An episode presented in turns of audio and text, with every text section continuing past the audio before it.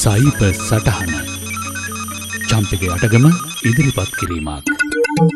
නිවසේ සිට රාජකාරි කටයුතු කිරීම නිසා සෞඛ්‍යමය වශයෙන් සැලකයුතු වන්නේ මොනවාද ඇසුවොත් පිළිතුර වන්නේ අධිකතිර කාලය නිසා ඇස්වලට වෙන හානිය ව්‍යයාම මධිකම මානසික සෞඛ්‍යාදිය ගැටලු බොහෝ දෙනෙකුට. නමුත් මේ හැම දේකටම කලින් අපට ඇඟට දැනෙන හානියක් තියෙනවා නිසි විදියට සැලකිලිමත් නොවනොත්. ඒ තමා ගෙල පිට සහ කොන්ද ආශ්‍රිතව වැරදි ඉරියව්වේ දිගටම යෙදීම නිසා වන කශේරුකා අස්ති ආශ්‍රිත ගැටලු. මේ සම්බන්ධව ඉතා මෑතක රෝගීන් බොහෝදුරට කශේරු අස්ති විශේෂඥයෙන් වෙත යොමු බව ඔස්ට්‍රේලයා කයිරෝප්‍රක්ටර්ස් ඇසෝසිේෂන් එකන් ACA ආයතනය වාර්තා කරනවා. එනිසා අද අපි කතා කරමු නිවසේ සිට පරිගණක ආශ්‍රිතව වැඩ කිරීමෙදී. මේ වර්කින් ෆොම් හෝම් තත්ත්ව යටතේ අපි කොහොමද පරිස්සම් වෙන්නේ කියලා.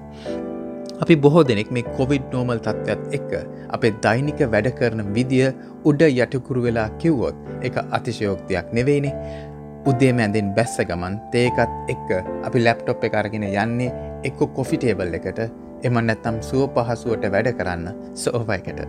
මේ විදියට අපි පැයගානක් එක දිකට ගත කරද්දී අපේ බෙල්ල පිටු පසින් දෙන්න තද ගතිය කැනෙ ස්ට්‍රේන් එක හෝ උරහි සහරහයන වේදනාවට හේතුවකුමක් විය හැකිද.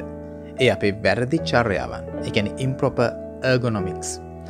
අපට මේ සම්බන්ධ බොහොම සරලව ක්‍රියාත්ම කරන්න පුළුවන් කාරණා කීපයක් ACA ආයතනය පෙන්වා දෙනවා. මූලිකව පරිගණක තිරය තියෙන් ඕනේ ඔබේ ඇස් මට්ට මේමයි සාමාන්‍යයෙන් අතේ දුරින් තියෙන්න්නත් ඕනේ.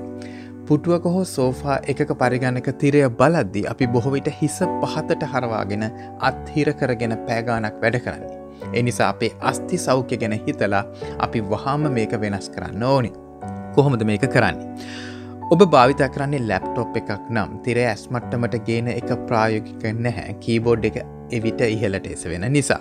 අනික ලැප්ටොප් කීබෝඩ් භාවිතාවෙන් උරහිස් වේදනාව නැති වෙනවා. මේ සඳහා ඔවුන් නිර්දේශ කරන්නේ කීබෝඩ් සහ මවස් වෙනම සම්බන්ධ කරන්න ලැප්ටොප් කීබෝඩ් එක භාවිතා නොකර.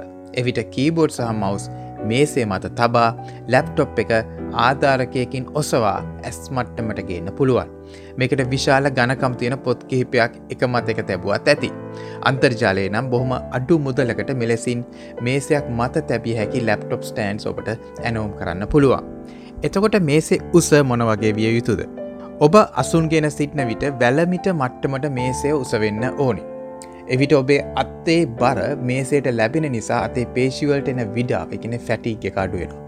ඒකම අපි තෝරාගන්න පුටුව ඉතා වැදගත් මොකද එය තමයි අපේ පිටේ බර සම්පූර්ණයෙන්ම දරයින්නේ සහ අපේ බැක් පෝෂ් එක රඳවාගෙන ඉන්නේ. ඔවුන් පුටුවේ උසවිදියට මතක් කරන්නේ දෙපතුල් පොලවේ හෝ ෆුට් රෙස්ට් එකක් මත රඳවන්න පුළුවන් නිසා. කකුලක් පිට කකුලක් දමා වැඩ කිරීම කොන්ද ආබාධ ඇති කරන. ඔබට මිලදී ගන්න පුළුවන් ස්ටන්ඩිං ඩෙස්ක් ඒවයි ඩෙස්ක් උස වෙනස් කරන්න පුළුවන්. අපට සේවාස්ථානයේදී නම් උපදෙස්තිල තියෙන විටින් විට විනාඩි විස්සකට පමණ සිටගෙන පරිගණකය වැඩ කරන්න කියලා. අනෙක් කාරණය තමා එක දිගට පරිගණකේ වැඩ කරන්නේ නැතිව නිරන්තර කෙටි විවේක එකන රෙගියුල බ්‍රේක්ස් ගැනීම. විශේෂඥ උපදෙස නම් සෑම විනාඩි තිය හතලිකට සැරයක් විනාඩියක දෙකක විවේකයක්. එහිදී ඔවුන් මතක් කරන්නේ බෙල් ආශ්‍රිත මෘදු ස්ට්‍රචිං එක්සයිසස් කරන්න කියලා අඩුම ගානේ පොඩ්ඩක් එහෙමෙහි ඇවිදින්න කියලා.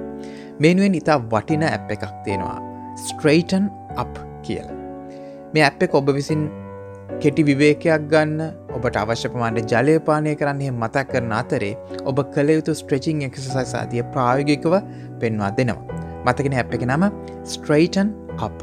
මා මේ සඳහන් කළ කාරණා සරල වුණත් මේ කතා කරන මාත් පහසුව වෙනුවෙන් මේ බොහෝ උපදෙස් පිළිපැදීම අතපසු කරන බව අවංකෝම පිළිගන්න වෙනවා.